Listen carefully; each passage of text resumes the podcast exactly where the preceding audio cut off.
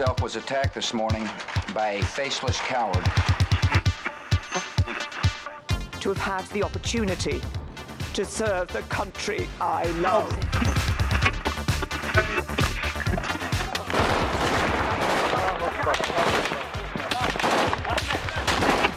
Den Einsatz für Frieden und Freiheit in Deutschland, in Europa und in der Welt. We will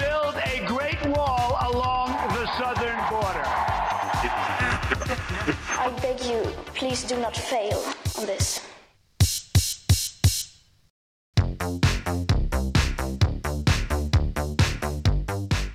Góðan dag kæru hlustendur, þið eruð að hlusta á 17. þáttin af heimskviðum. Ég heiti Guðmundur Björn Þorbjörnsson. Og ég heiti Birta Björnsdóttir. Í heimskviðum er fjallað um það sem gerist ekki á Íslandi.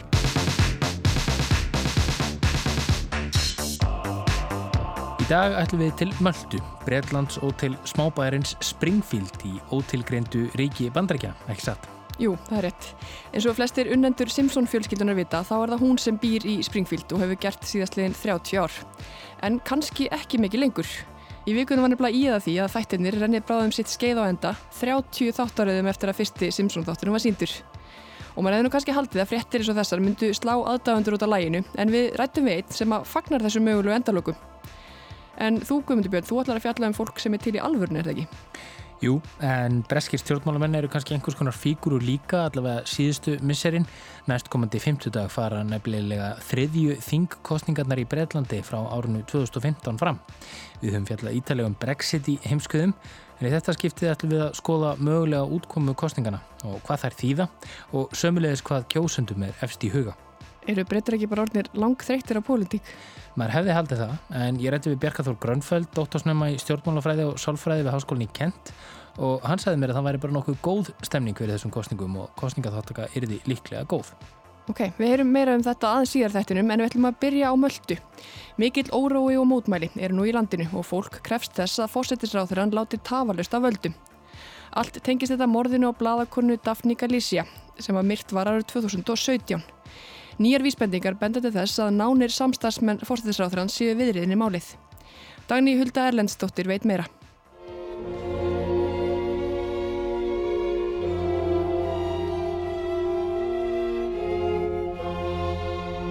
Blaðakona í friðsælu litlu landi komst að ímsu misjöfnu um ráðamenn og auðjöfra. Hún var eitt besti blaðamaður landsins og afhjúpaði ímis spillingarmál.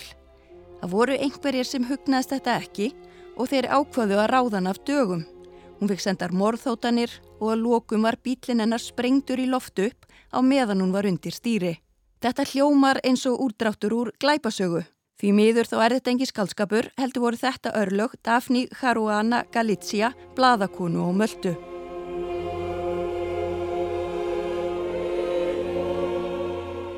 Galizia var myrt 16. oktober 2017. Stuttu áður hafði hún skrifað fréttir um að forsættisráð þeirra landsins, Jósef Muscat og hans nánustu samstarfsmenn og tvei ráð þeirrar í ríkistjórnans hefðu tengst við aflandsfélög og sumir þeirra hefðu þeir greiðslur þaðan.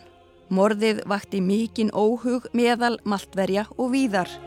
Lítið heyrðist að framgangi rannsóknar lauröklu á ótaðinu fyrir ná dögunum, rúmum tveimur árum eftir morðið.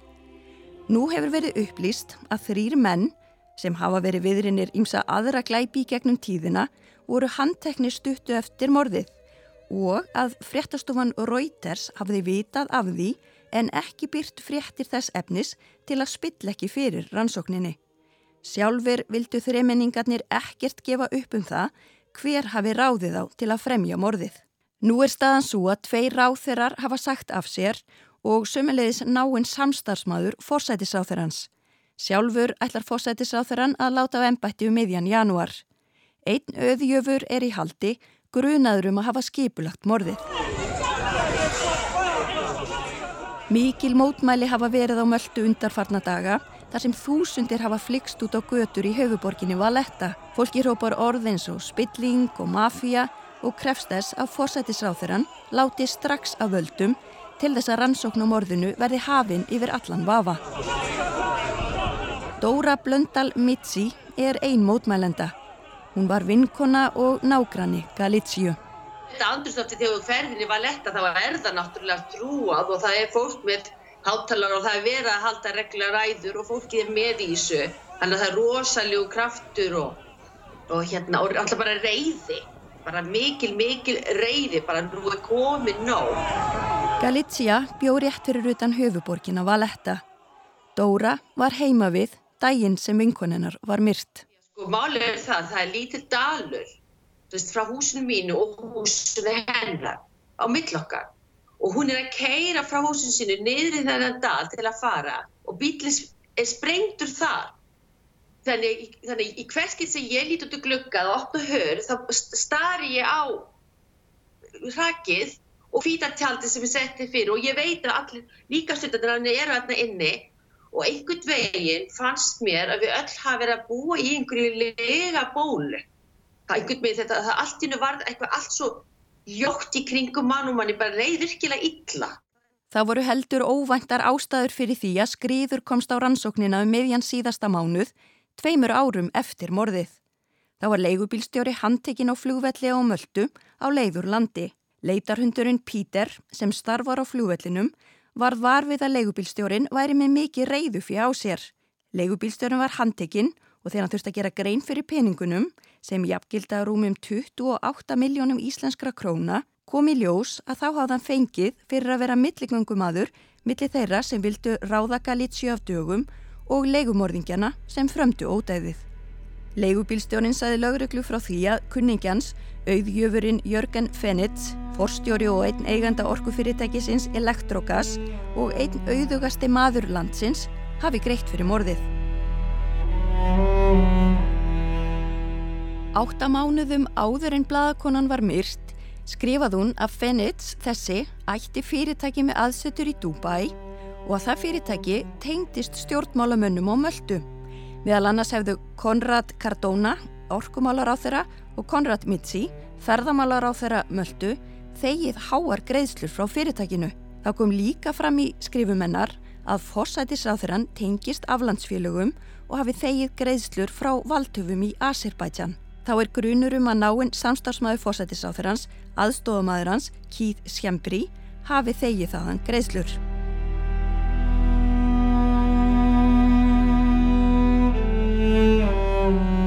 Handskrifað bref leigubílstjóran fannst á dögunum og þar segir að Sjembri þessi, fyrirverandi aðstofamæður fórsætisráþurans og Fenitz hafi skipulagt morðið og greitt leigumorðingjunum. Leigubílstjórin segist að skrifa brefið og varvetta, hann eigi líka ljósmyndir af sér með aðstofamanninum og upptökur af fundum þeirra. Þetta vildi hann geima sem sönnunagögn af því hann ótaðist um lífsitt. Leigubílstjórin verður ekki sóttu til saka og nýtur verndar af því hann veitir lögreglu mikilvægar upplýsingar um málið. Nú mánaðamótin var Fenitz, auðmaðurinn, ákjærður fyrir morðið. Hann og Sjembri eru gamlir vinir. Hann neytar sög en viðukennir að hafa upplýsingar um málið. Fennick was arrested this morning Hann reyndi að semja við laurugluna um að segja frá því sem hann veit gegn því að njóta fríðhelgi en því var hafnað.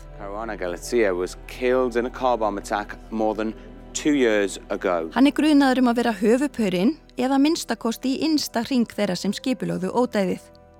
Í vikunni greindan frá því að Sembri hefði veitt honum ymsar upplýsingar um gang rannsóknarinnar. Hann hafi líka tilkynnt honum að síminans væri hleraður.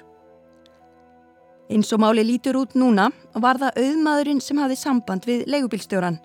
Leigubílstjórin hafði svo samband við þrjá leigumorðingja sem sprengdu bíl bladakonunar.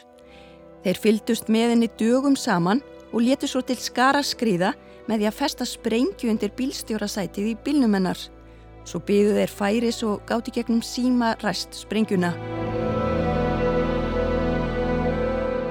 Vitað er að þremenningarnir sem hafa setið inni síðan stuttu eftir morðið fengu uppæð sem svarar til 20 miljóna íslenskra króna. Eins og áður sagði þá heldur leigubílstjórin því fram að Fenitz og Sembri hafi greitt fyrir morðið. Leigubílstjórin hefur líka sagt lögreglinu frá því að aðstofmaðurinn fyrirvenandi hafi útvöðunum verkefni á vegum ríkisins halvu ári fyrir ódæðið. Það þykir reyna enn sterkari stóðumundi grunnsendir um að náni samstafsmenn fósættisráþurans tengist morðinu. Maltneskir fjölmilar hafa greint frá því að hann hafi þó ekki þurft að mæta til vinnu. Hann hafi því fengið laun fyrir eitthvað annað en að vinna venjulega vinnu. Leigubílstjórin hefur gefið vittnesspur sinn í vikunni og nefnt til sögunar tvo aðra starfsmenn fósættisráðunitisins sem eru sagðir tengjast málinu. Daðan þringist í dag hvern fyrir fósættisráþurann. En það er ekki aðeins mótmælendur sem krefjast þess að fósættisráþurann fari tafalust frá. Í vikunni sendu yfir 300 kennarar við háskólan og möldu frá sér áskorun og kölluð eftir tafalösri afsögn. Þeir teljaðan hafi brúðist trösti almennings og skadað orðspór möldu á alþjóðu vísu. Í vikunni var sjömanna sendi nefnd Evrópithings á möldu vegna málsins. Hollenski Evrópithingmaðurinn Sofín Feld fór fyrir nefndinni og sagði að vegna málsins hefði tröstmilli ESB og möldubiðin nekki. Nefndin hefði alvarlegar áhyggjur á því að Muscat sæti áfram meðan morðrannsóknin fer fram. Það gæti leitt til þess að nýðustöður hennar yrðu dregnar í Eva. Þá hefur Úrsula von der Leyen sem nýlega tók við ennbætti fórsetta framkvæmdastjórnar ESB líst yfir miklum áhyggjum á stöðunni og möldu. Europol, Evrópulauriklan, er einni og möldu til að aðstóða við rannsóknmálsins. Samtök bladamanna víða um heim er reyndu þessi tvö ár að vekja aðtikli á málinu og knýja fram rannsókn á því. Renata Schröder, framkvæmdastjóri Evrópusamtaka bladamanna, segir að mikið hafi vantað upp á gagsægi við rannsóknina. Henni, líkt og mörgum öðrum, er létti við því að rannsókn á morðinu virðist vera komin á fullan skrið. There is pressure, which is good. We are not yet convinced that the investigation is going in the right direction. We think a lot more has to be done when it comes to scrutiny, when it comes to full transparency. The Prime Minister... Þau hjá samtökunum telja þessi mikli þrýstingur og yfirvöld á möldu síðan af hennu góða. Þau eru þó ekki alveg sannfærðum að rannsóknin sé á réttri leið, enda þurfi miklu meira gagsægi og ítalegri rannsókn. Fórsættisáþurann fari varlega þessa dagana en að hann ætti að láta af embætti strax. Þá ætti að fara fram sjálfstæði rannsókn á öllu sem málinu tengist. Söter segir að það komi því miður ekki á óvart að morð sem þetta sé framið í Evrópu. Til að mynda hafi fimm bladamenn verið myrstir í heimsálfunni síðustu tvö ár. Brutal murders of, of journalists within the last two years. Eitt þeirra var Jan Kuciak, bladamæður í Slovakíu sem hann skotinn heima hjá sér í februar í fyrra. Unnustans var líka skotinn til bana. Hann hafi verið að rannsaka skattsveik auðjöfra sem tengjast hátsettum stjórnmálamönnum í Slovakíu. Máli var til þess að ríkistjórnin fór frá völdum. Sröter segir að viðbröðin í Slovakíu hafi verið allt öðruvísin á möldu og fólk hafi strax byrjað mótmela á götumúti. Hún vonar að málið á möldu verði upplýsta fullu en er þó ekki alveg sannförðum að svo verði. And since it's a small countries and since people know each other, it's probably much more difficult to, to illuminate everything. Sröter bendir á þessu ymsar hindranir í vegi fyrir því að máli verði upplýst en það hafi margir hagaf því að svo verði ekki. Þetta sé lítið land og fólk tengist á ymsan hátt og því erfiðar að varpa ljósi á öll málsatvík. Það þurfa að komast að því hver hafi fyrir skipa morðið, fjölskyldenar eigiða skilið, enda hafi sínir ennar þrýr unni baki brotnu að því að komast að sannleikanum um það hver réð móður þeirra af dögum. Glæpir sem þessir eru síður en svo daglikt brauð á möldu sem er friðsælt Eiríki í miðjarðarhafinu, suður af Ítalju og minsta aðildaríki Evrópusambandsins. Þar búa 470.000 manns á 316 fyrrkilometrum, litlu starra svæði en Reykjavík. Galizia var talin meðal fremstu, ef ekki fremsti bladamadur Möldu. Á árum áður vann hún á dagblöðum en hafði undir það síðasta verið með sína eigin fréttasíðu og vefnum. En hvernig bladamadur var hún? Sem bladamadur hún var rosalega hörða sko, hún, það, það var engum sérst, hérna, það var ekki hildi við neinum. Það var engin vendun og hún gatt sært fólk, skilur, og ég menna maðurinn að sjálfu sem er mikið blíðmenni, hann sagði að ég stundu vorkinu og fólkinu sem var að skrifa um. Dóra segir að fyrir utan vinnuna hafi Galizja verið einstaklega róleg og blíð og vildi ekki láta mikið á sig bera. Sýnir hennar þrýr voru hennar líf og yndi og hún var mikill dýravinnur. Og hún gatt verið grimm, en hún aftur um móti var þannig að sko þegar fólk kom til hennar og gaf henni upplýsingar það gerði það vitandi það að hún gaf aldrei neitt upp. Þegar hún algjörlega vendaði hún freka fyrir rétt og þeir reyndu svo ofta að fá hann til að segja hver sagði þetta, hver kallaði á þig, hver ringdi þig, hver sendi þér þessa pappira hún let aldrei neitt eftir því. Þannig að þú veist, hún var mjög hérna heiðarleg. Þannig svona bláðumadur var hún sem sagt og rosalega sterkur og harður og grimmur penni en hún skrifaði mjög vel og það var alltaf allt rétt sem hún sagði. Já, Galicia sagði sannleikan þó hann væri ekki alltaf þægilegur fyrir alla og fólk vildi lesa málinn sem hún var að rannsaka og þegar hún hafði upplýst um stóru mál komi fréttir títt inn á fréttasíðun hennar. Kanski voru þetta detta inn á klukkutíma fresti og þannig að þú veist það voru allir að segja bara ok, hvað, hvað fyrir nút næst, hvað kemur næst þetta var næstið sko eins og verið að hóra spennu það Þannig þú voru margir og, að lesa síðun hennar Sko, það var meira að lesa hennar síðu heldur um öllum dagblöðum samanteknum hérna á Möldu hún skildi þessi stórt stórt svona fannst mér allavega gat í þjóðfélaginu, ég veit eins og ég segi það var fólk sem hatta fyrir, fyrir hvað þú skrifaði en ég þekkti manneskinu líka Daphne Caruana Galizia, Caruana Galizia. killed when a bomb exploded. Eftir ótaði var Daphne Project stopnað. 45 bladamenn frá átjón fjölmiðlum víða um heim tóku að sér að vinna fréttir upp úr þeim gögnum sem Galizia hafði aflað. Þeirra á meðal var sonur hennar Matthew sem hefur ekki látið sér vanta í mótmælinn. Hann hefur ásand bræðrum sínum reynd að halda málinu lífandi allan þann tíma sem ekkert virti skanga í rannsókninni. We have no idea. There's a complete information blackout. We know nothing. My family knows nothing. The journalists know nothing. People know nothing. That's why we're here. It's completely absurd. Við fáum engar upplýsingar. Fjölskyldan veit ekkert, bladamenn veit ekkert, fólki veit ekkert og þess vegna erum við hér að mótmæla, sagði Matthew í mótmælum og dögunum. Hann gaggrindi líka harðlega að aðstofmaðurinn Sembri hafi verið látin laus eftir yfirheyslu Matthew hvaðst ekki var neina trú á því að hans er saklaus. Fjölskyldan lagði í vikunni inn formlega beðni til domstóla um að það verði rannsakað hvort fráfærandi fórsættisáþera hafi átt aðild að morðinu. Sjálfur hefur hann staðfastlega neitað að hafa nokkuð vitað um málið. Eins og áður sagði beinast nú öll spjóta fórsættisáþaranum Jósef Muscat og samstagsmönnum hans. Muscat hefur setið í embati síðan 2013. Sterkar grunnsendir er um að hans nánustu samstagsmenn í samstarfi við Fenets, auðjöfurinn, hafi lagt á ráðinum morðið.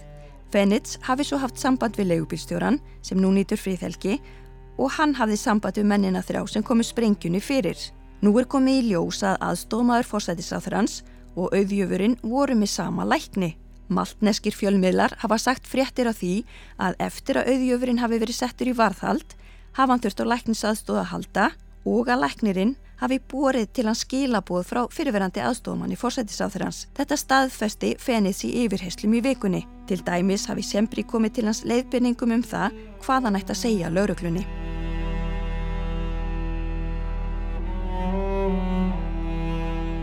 Ráðurratni tveir sem fengu greiðslur frá fyrirtæki Fenets hættu síður en svo strax eftir að Galizia byrti fréttur um tengslera við aflandsfélög.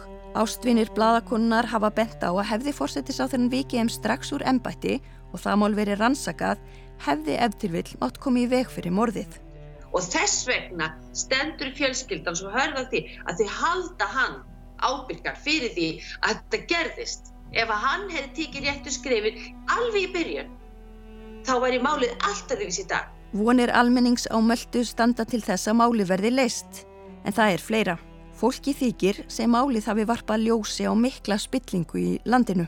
Sko spillingin, hún er ekkert bara nokkrin menn. Veist, það eru allir þeir sem er í kringum þá líka sem kannski vissaðustu en heldur kæfti. Eða voru með, kannski borguðu ekki með í þessu þegar borgar alltaf fyrir að myrðana en þú veist þannig að sko hreinsunin mun halda áfram. Já, það er ljóst að verður mótmælt áfram og Evrópusambandið fylgist grann með þróun mála og hvort farið sé að lögum við rannsóknina. Hvort fósættisráþurann lætur undar þrýstingi nú á næstunni eða þráast við að sitja áfram fram á aðalfundi flokksins í janúar verður okkur í ljós. Jósef Muscat, fósættisráþura, er í verkamannaflokknum sem er annar að tveimu stærstu flokkunum á möldu. Dóra segir að hörðustu stuðningsmennans vilji ekki að hann fari úr ennbætti þrátt fyrir allt sem á undan er gengið. Þegar verkamannaflokkurinn tók við völdum árið 2013 batt fólk miklar vonir við nýja fórsætisráþurann. Hann kemur inn sem þessi hetja inn í flokkin, inn í þjóðflægin, maður treystur og það treystur vel allir. Og, og, og hérna, og núna hangir yfir og hann vansar ljóti hluti þannig að hann fer frá völdum í raun og veru með skömm. Já, það stefnir í að fórsættisráþurann fari frá með skömm. Dóra segir að fólk treyst honum ekki lengur og óttist að hann sé með puttana í rannsókninni sem nær til hans nánustu samstagsmanna. Yfirheyslur standa enn yfir og ný tíðindi berast oft á dag á möldu. Eins og aðrir ástvinir, Galítsíu og Maltverjar vonar Dóra að máli verði upplýsta fullu. Ég, ég vil trúa því, ég vil trúa því vegna þess að það er eins og þetta sé að brjótast niður núna smátt og smátt og smátt. Og Evrópunarendin kominn og hann er vist búin að viðkenna eitthvað að sé las um að hann hefði vitað af þessum Jörgen Fennig og hann gæti að veri viðræðin en það er ekki, hann sagði þeim ekki hver lengi hann hefði gruna það. Þannig að hann er að segja þess að hann hefði vitað eitthvað en sagði ekki neitt um það. Þetta virðist, boltin virðist halda áfram að rúla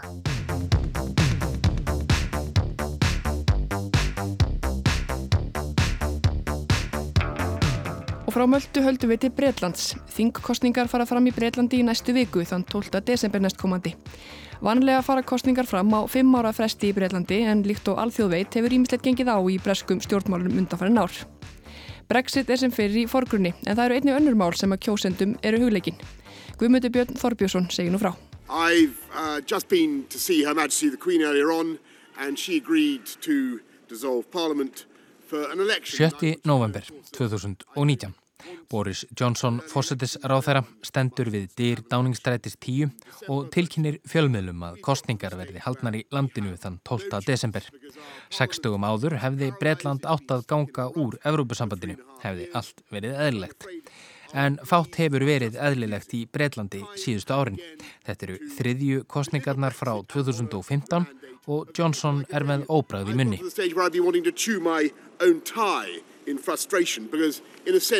En hvað sem personlegri skoðun Johnsons líður þá var hann nöyð beigður til að bóða til kostninga. En svo öll vita sem á annað borð er með aðgangað interneti, sjónvarpi, útvarpið að gömlu góðu prentmiðlunum hafa breytar frá árinu 2016 útbúið útgöngu landsins úr Evrópusambandinu. Brexit eins og fyrirhugð útgangar kölluð hefur vægast sagt gengið brösulega eins og við höfum fjallaðum áður í heimskviðum. Til stóðað breytar gengu út þann 31. oktober en Johnson fekk korki stuðning þingsins við útgöngusamning við Evrópusambandið nýja stuðningstess við útgöngu ánsamnings, eitthvað sem hann og hans fólk var tilbúið að láta að reyna á. Og því þarf að kjósa, því íhalsflokkurinn, flokkur Johnsons, hefur ekki nægilegan stuðning á þinginu til að koma í að floknu máli og brexit í gegnum það. Þvert á flokka eru stjórnmálamenn klopnir eins og almenningur. Sumir vilja útgöngu eins fljótt og auðið er, aðrir vilja aðra þjóðuratkvæðagreyslu og ennaðrir vilja að landið fari reynd ekkert út úr Európa-sambandinu. Johnson vonast nú eftir góðri kostningu á 50 daginn kemur svo undi að koma breytum úr sambandinu sem fyrst. Hvort hann nær því er annað mál. Og það er ekki bara Brexit sem er til umræðu, þetta eru jú almennar þingkostningar.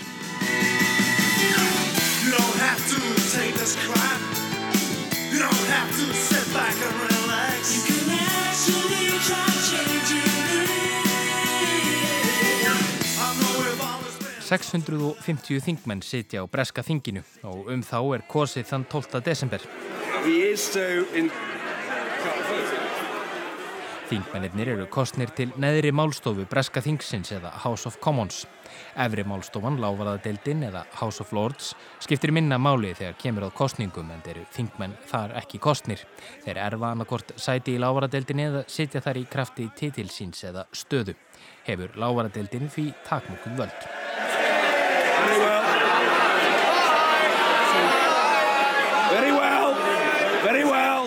Stærstu flokkarnir á breska þinginu eru íhaldsflokkurinn og verkamannaflokkurinn, Conservatives og Labour. En hver einasti fórsættisráþara frá árinu 1922 hefur komið úr þessum tveimur flokkum. Frá árinu 2010 hefur íhaldsflokkurinn verið við völd. Frá 2010 til 2015 var hann í samsteipustjórn með frjálslindum demokrautum undir fórustu David Cameron sem tók þá við fórsæti ríkistjórnarinnar af Gordon Brown, leðtoga verkamannaflokksins.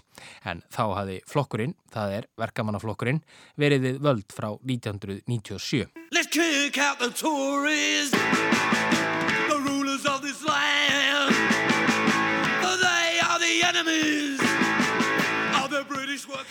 Núverandi ríkistjóð Boris Johnson hefur þó alla tíð staðið höllum fæti.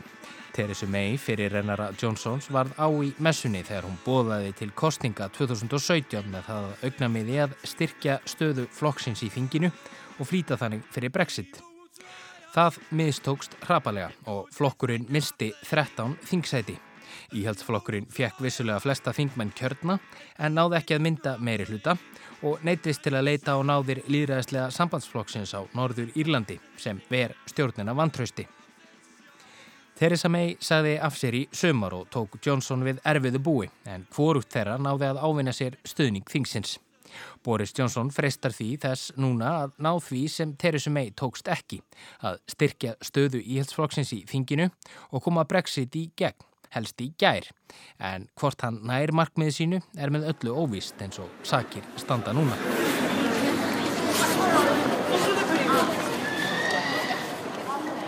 Áður en lengra er haldið er því ekki vittlaust að breyða sér aðeins til Breitlands og forvittnast um það hvernig tilvonandi kostningar fara í landan. Já, ég heiti Björki Þóru og ég er doktorstein í stjórnbónarsálfræði við University of Kent í Breitlandi það er mikil góðsinn tíð að vera í stjórnmálasálfræði þessa dagana. Bjarki Þór Grönfeld hefur fylst vel með aðdraðanda kostningana og ekki ofsögum sagt að þetta sé sannanlega góðsinn tíð fyrir þá sem leggja stund á rannsóknir á pólitík og ekki síður sálfræði. Eins og við höfum fjallað áðurum í heimskviðum er breskur almenningurorðin lang þreytur á brexit. Málið hefur klófið fjölskyldur og sundrað vinahópum. Þrátt fyrir það virðist heimamæðurinn spentur fyrir komandi kostningum. En svo ég fæ best síð sko þá, hérna, þá er mikill neistífi fólki og sko Brexit hefur einhvern veginn þann einleika að það fær fólk algjörlega výrast upp. Þú veist, fólk verður bara algjörlega brjálað og þess vegna held ég að hérna, til og meins kostningaþáttaka verði tildurlega góð. Þannig að ég held að fólk sé frekar peppa fyrir svona kostningum. Og það er einmitt þannig sem liggur í málum. Því er spáð að kostningaþáttaka verði góð og spilar þar Brexit óvissan vafalítið inni. Fólk er orðið þreytt og vill aðgerðir, hvorum megin sem þær kunnað verða. Og eitt er ljóst, þrátt fyrir að bresk stjórnmál hafi verið farsakend í meira lægi síðustu ár, eru litlar líkur á því að stóru valdablokkina tvær, íhaldsflokkurinn og verkamannaflokkurinn, verði ekki áfram áberandi. Samkvæmt nýjustu skoðanakonunum mælist verkamannaflokkurinn með 32% fylgi en íhaldsflokkurinn 43%. Það hefur verið að draga saman með flokkunum og hérna, íhaldsflokkunum hefur aðeins verið að fatast flugið og verkamannaflokkurinn hefur verið að hérna, sækja í sig veðrið þannig að það er svo sem ekki útilokað að Johnson mistakist að uh, afla sér þessa meirluta sem hann rauninni þarf til þess að koma Brexit í gegn. Verði nýðurstaða kostningana í takt við skoðanakannanir nær íhaldsflokkurinn ekki hreinum meiri hluta. Frjálslindir demokrater koma næst á eftir íhaldsflokknum og verkamannaflokknum með 13% stuðning. En svo staðan er núna er því íhaldsflokkurinn því vissulega sigurvegari kostningana en er ekki hreinum meiri hluta í þinginu, líkt og Johnson vonast til. Hvað þýðir það? Það er eiginlega eina sem er kannski vist í þetta saman eða að ef að íhaldsflokkurinn er ekki meiri hluta núna, þá verður Brexit ekki í januar eins og, eins og Johnson vill og hann bóðar þegar íhaldsflokkurinn er raunin orðin Brexit flokkurinn eins og staðan er núna og það er engin af hérnum stóru flokkunum sem að keira og jafn harðir í Brexit stefnu og hann. Það þýðir þó alls ekki að Brexit sé úr sögunni, því fer fjarrri. En næstu skrefi Brexit-málum ráðast alfarið af því hverjir verða í næstu ríkistjóð. Nái Johnson hins vegar reynum meiri hluta, ætlar hann að gera allt hvað í hans valdi stendur til að standa við nýjasta frest Evrópusambandsins og koma breytum úr Evrópusambandinu fyrir fullt og allt í janúar. Þeir íhaldsmenn sem voru andsnúnir Brexit eða ósamála hugmyndum Johnsons um útgöngu án samnings hafa meir og minna horfið á braut.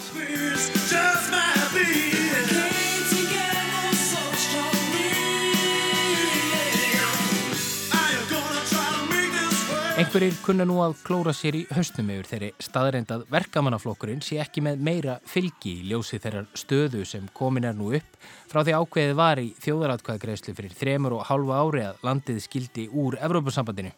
En hvað skýrir þennan vanda verkamannaflokksins? Spjótin beinast að Jeremy Corbyn sem eru leitt verkamannaflokkin frá 2015. Korbin þykir ekki hafa átt uh, kannski ekki góða, góða engum en núna og hann átti fyrir tilvörun síðan í kostningunum 2017. Korbin vann á í kostningunum 2017 þegar verkamannaflokkurinn fekk 40% kostningu og fjölgaði þingsætum flokksins um 30 sem dugði þó ekki til að mynda meiri hluta. En gerði það verkum að íhaldsflokkurinn þurfti að leita á náðir líðræðislega sambandsflokksins á Norðir Írlandi um að verja stjórn sína vantrausti. Corbyn hefur ekki tekist að viðhalda þessu góða fylgi. Á meðan Theresa May satt á fórsetis ráþara stóli skiptist almenningsálitið nokkur neinn jamt. Helmingur vildi hana sem fórsetis ráþara en hinn helmingurinn Corbyn. Eftir að Johnson tók við síðasta sömar hefur hallað á Corbyn. Þrátt fyrir að skoðanakannanir síni að Corbyn sé meiri tengslum við almenning en Johnson. Fylgi verkamannaflokksins tók að dala í kjölfarið, meðal annars vegna þess að margir af fylgismönnum flokksins sem stuttu veru breyta í Evrópusambandinu skiptu yfir í frjálslinda demokrata. En það er fleira sem veldur dvínandi stuðningi við korpin. Hún verður ekki tekist nú vel að sverja af sér uh, ásakanir um gýðingahattur í flokknum og hann hefur farið nokkur frekar slæm og erfið uh, viðtöl.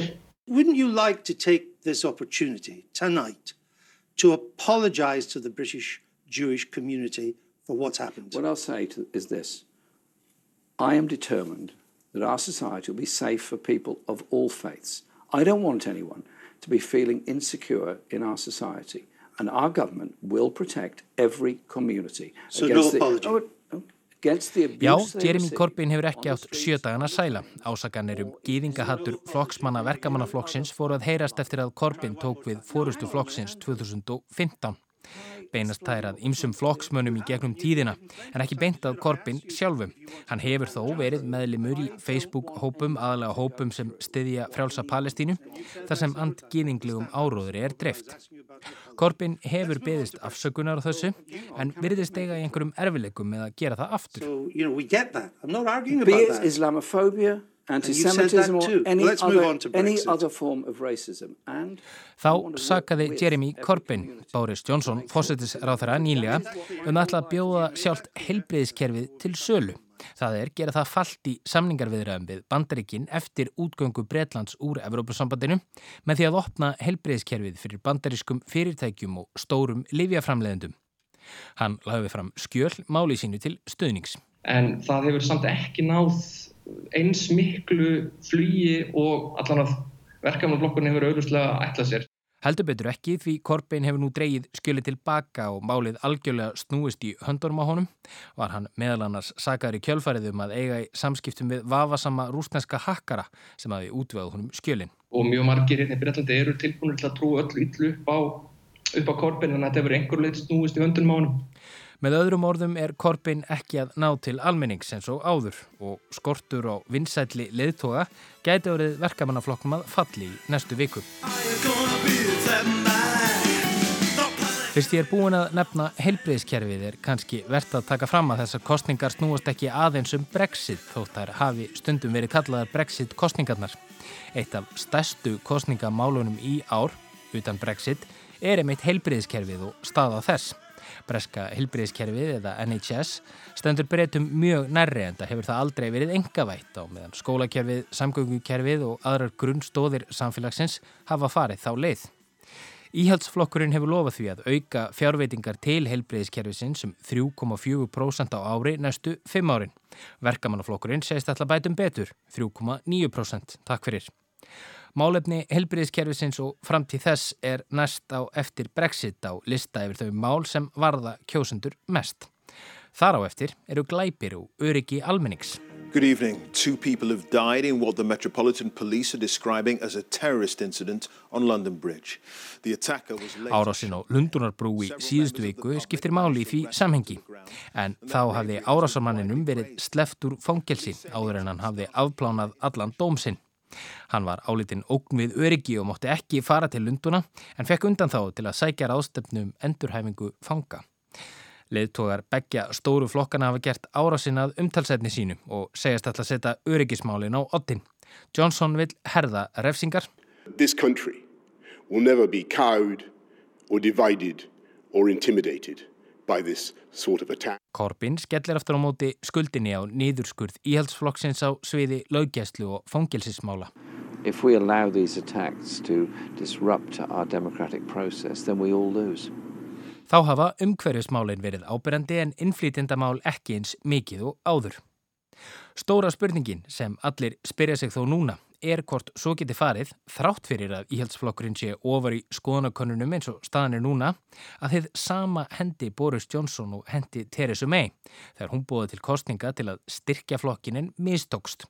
Takist honum að mynda næla sterkan meiri hluta er hins vegar ljóst hvað verður í fórgangi. Ef hann nær meiri hluta ef hann stendur við það sem hann hefur lofað að Brexit fara fram í, í janúar þá náttúrulega þýðir það svo sem alls ekki heldur að Brexit séu sögunni því að þá taka við allar uh, það svo, mar, margir hérna, endar sem er ennþá lausir, bæðið eitthvað verða frífæslun við Europasambandið og hvernig verður leist úr uh, landamannamálum á norður Írlandi.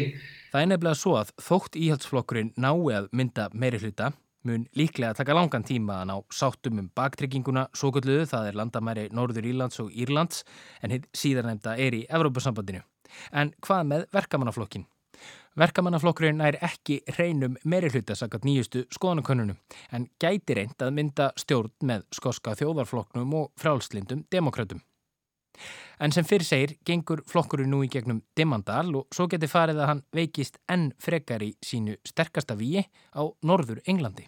Það er talað um í þessum kostningum þá gæti Johnson tekið það sem engum öðrum leiðtóð í Ílsvokksins hefur tekist og það er að bóra sprungu í, í rauða vekkin, svo kallega. Rauði vekkurinn vísar til þess gífurlega fylgis sem verkamannaflokkurinn hefur haft í norðurhluta Englands svo áratugum skiptir.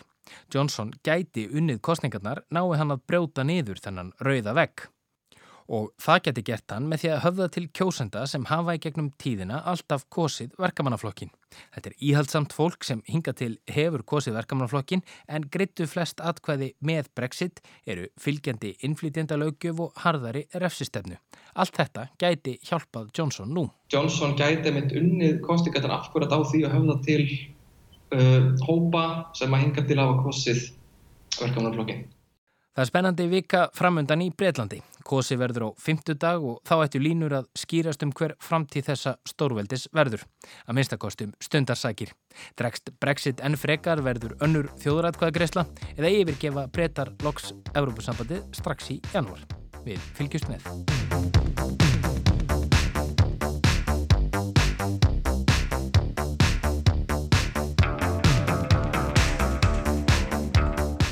Yfir í léttari sálma, en ríkilega enguða síður ef satt reynist, allavega fyrir marga. Vísbendingar komin að blaða fram í vikunni um að Simpson fjölskyldan væri á leiðinni af skjánum eftir 30 ára veru.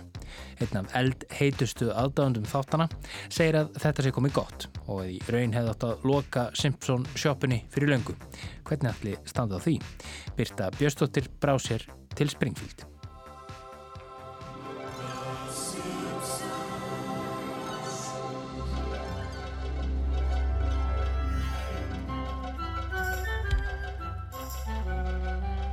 Við höfum líklega öll séð hefð minnsta nokkrar mínútur af einhverjum þeirra hátt í 700 Simpson þáttar sem gerðir hafa verið. Og þeir eru enn að. 30. þáttariðin er nú í síningum þar vestra og margir áhorfenda voru ekki eins og fættir þegar að fyrsti þátturinn fór í loftið. En það eru blikur á lofti. Um, well, from what I've heard, it is coming to an end. Do you, do you have any... I, I, I don't know for a fact, but I've heard that it, in, uh, it's, you know, it'll be in its last year. Þarna heyrðum við Danny Elfman, manninum sem samti upphafstef Simpson þáttana sem við heyrðum áðan. Hann var til viðtals í hlaðvarpi nokkru á síðunni joe.ee í vikunni, þar sem Simpson fjölskyldan barst í tal. Og eins og við heyrðum þarna áðan þá saðist hann af að heyrta þáttaröðin sem nú er sínd gæti orðið svo síðasta. Ekkert hefur verið gefið út ofinberlega frá framleiðendum þáttana um yfirvofandi þáttalokk. Það skal tekið skýrt fram. En hvort Danni Elfman hefur rétt fyrir sér eða ekki skildi maður ætla að fregnir af mögulegum endalokum Simpson fjölskyldunar myndur leggjast illa í aðdáendur. En það er þó ekki endilega svo. Mér finnst þetta að vera laungu komið gott og ég veit að sumir harðari Simpsons aðdándur eru þau bara gladir. Nú já, þetta voru kannski ekki alveg viðbröðin sem búist var við þegar við ringdum í Arnar Eggert Tórótsen aðjungt í félagsfræði við Háskóla Íslands og mikinn aðdáðandaði Simpsons. Af hverju ættu eldheitir Simpson aðdáðandur að gleðjast yfir því að þátturinn verði tekin af dasgrá? Þeir hafa nefnilega breyst alveg verulega. Það virðist að verði tekin ákvörðun á okkurum punkti að keira þetta áfram ódýrar hann hefur verið sko. Þannig að handritin eru verri, teikningarnar eru ódýrari og þetta er bara keirt áfram eins og bara eitthvað vörumerki það er oft bara svona ákveðin markaðspælingar og peningapælingar sem keira, keira svona hlut áfram. Mmm, chocolate. No! Og það sem pyrrar fólk er að þetta var svo rosalega gott og það hefur bara aldrei neitt komið svona fram fyrir það síðar að það hefði síðan útvatnast svona. Fólk er eiginlega bara ennþá í sjokki. Gott og vel, þátturinn var góður en hefur dalað. Þetta eru orðnar 30 þáttaræðir. Hvenar fóru Halla undan fæti að mati Arnars Egert? það er oft talað um cirka fyrstu kannski átta hérna nú ætla ég að reyna, ég ætla að reyna að segja ekki sísón, eða fyrstu átta þáttaraðunar talað um það sem gullöldina. Oft samt talað um að mesta snildin hefur verið í gangi þáttaruð 2 til 5-6 eitthvað svo leiðis I don't want to look like a weirdo. I'll just go with a moo-moo. Arnar Ekkert segir að í raun sé hægt að skipta sögu Simpson fjölskyldunar upp í þrjú tímabill. Það er um þessi sterka gullöld sem að fer þetta svona aðeins að flysjast úr þessu, kannski ár 10 til 15 eða kollega, en síðan hefur það verið bara mjög statik lélegt í cirka 10 ár. Og þetta er vist ekki bara skoðun Arnarsækert. Hann segir að á öllum aðdáðandi síðum, spjallhópum og öðrum vettvangi aðdáðanda Hómers og félaga sé einni talað um að fyrstu tímabilin hafi verið best. Það er enginn sem segir sko tímabil 22 er best. Það, það er ekki inn í neinum umröðum. Það er nefnilega það. Pistillin sem átti að verða óður til Simpson fjölskyldunar er nú orðin að fagnaðalátum yfir því að sagan sé loksins að klárast. Saga sem er orðin bísna laung.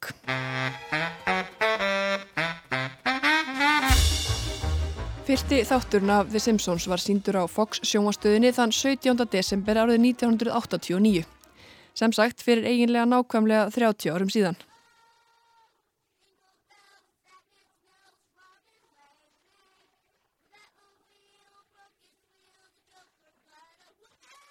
Matt Groening á heiðurinn af sköpun fimm manna Simpson fjölskyldunar sem hann gaf nöfn sinna eigin fóreldra og sískina að undanskildum Bart. Dad, we've been robbed! Wake up, Dad! Wake up! There was a burglar and he took my saxophone! And our portable TV! Og við þekkjum þau flest betur en marga okkar eigin fjölskyldumeðlimi. Fjölskyldufadurinn Homer vinnur í kjarnorkuveri bæjarins Springfield. Hey, how come my pay is so low? Bear patrol tax $5. What? This is an outrage! It's the biggest tax increase in history! Actually, Dad, it's the smallest tax increase in history. Let the bears pay the bear tax. I pay the homer tax. That's the homeowner tax. Well, anyway, I'm still outraged. Húsmóðurinn Mart heldur fjölskyldinni saman þó henni gremmist gjarnan háttalag eigimannsins sem hún elskar þó svo heitt. Grocery list, flea dip for the cat, Homer's dry cleaning. I think that's everything. Marge, can you take my ball to Nick's today? A bottle cap got lodged in the finger hole. Elsti sonurinn, óknytta drengurinn Bart Simpson er líklega Emil í kattolti þeirra bandaríkjamanna. Telephone. Flaming Mouse. Uh, yes, I'm looking for a friend of mine. Last name Jazz, first name Hugh. Uh, hold on, I'll check. Uh, Hugh Jazz. No, somebody check the men's room for a Hugh Jazz. Uh, I'm Hugh Jazz. Telephone. Hello, this is Hugh Jazz. Uh, hi. Who's this? Bart Simpson? Well, what can I do for you, Bart? Uh, look, I'll level with you, mister. This is a crank call that sort of backfired, and I'd like to bail out right now. All right. Better luck next time. Næst er Lisa, fyrirmynda stúlkar með saxofónin og drauma um betri framtíð. What's wrong, Lisa? Didn't you get enough lamb chops? I can't eat this. I can't eat a poor little lamb. Lisa, get a hold of yourself. This is lamb, not a lamb. What's the difference between this lamb and the one that kissed me? Og svo er það smábatið Maggi. Karakterenginni fjölskyldunar og annara íbúa Springfield eru á mörgum talin helsti styrkleiki þáttana. síðan það sem þeir gera þættinir sem er mikilvægt að þannig koma alls konar karaktera fram Yeah, right, lady. An elephant ran through your front yard. Okay.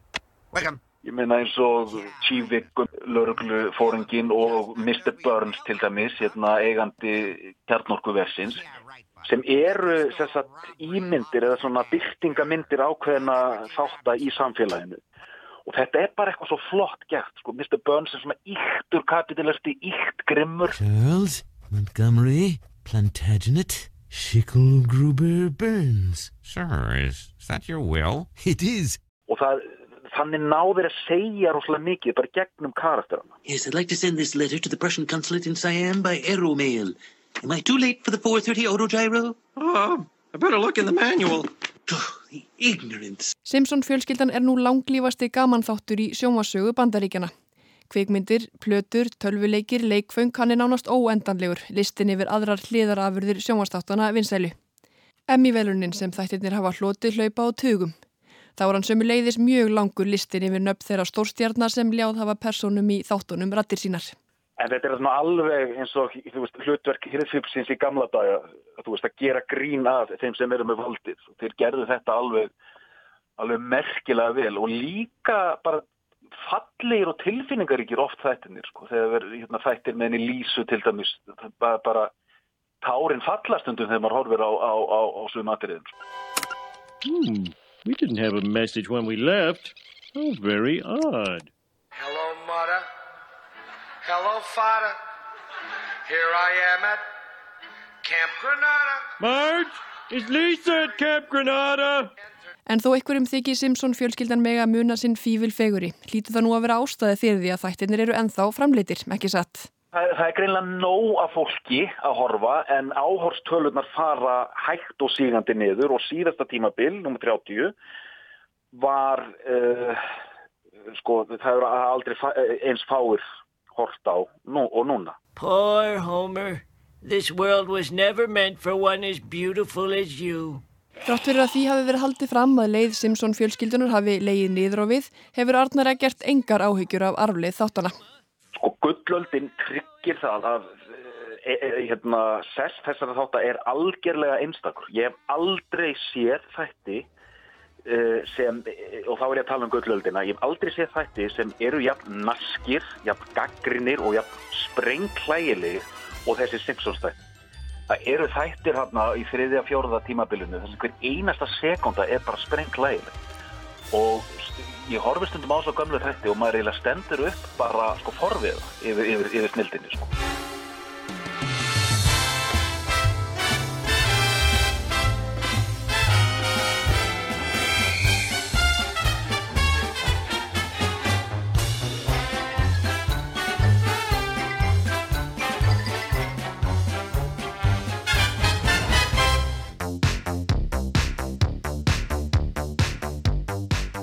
Heimskuður verða ekki fleiri þessa vikuna. Þátturinn er endurfluttur á lögutaskvöldum á Rás 1 og aðgengilegur á öllum helstu hlaðvarpsveitum. Þá er einnig hægt að lusta á þáttin í RÚF appinu eða í spilarnum á rúf.is og þar er einnig hægt að lesa ítarlegar fréttaskýringar um efni þáttarins. Þá viljum við endilega minna á netfang þáttarins heimskuður.rúf.is Já, það væri gaman að heyra frá ykkur hlustandi góðir hvaða efni þið viljið að við skoðum hún í kjölinn. En við þökkum þeim sem hlýtu og heyrumst í næstu viku.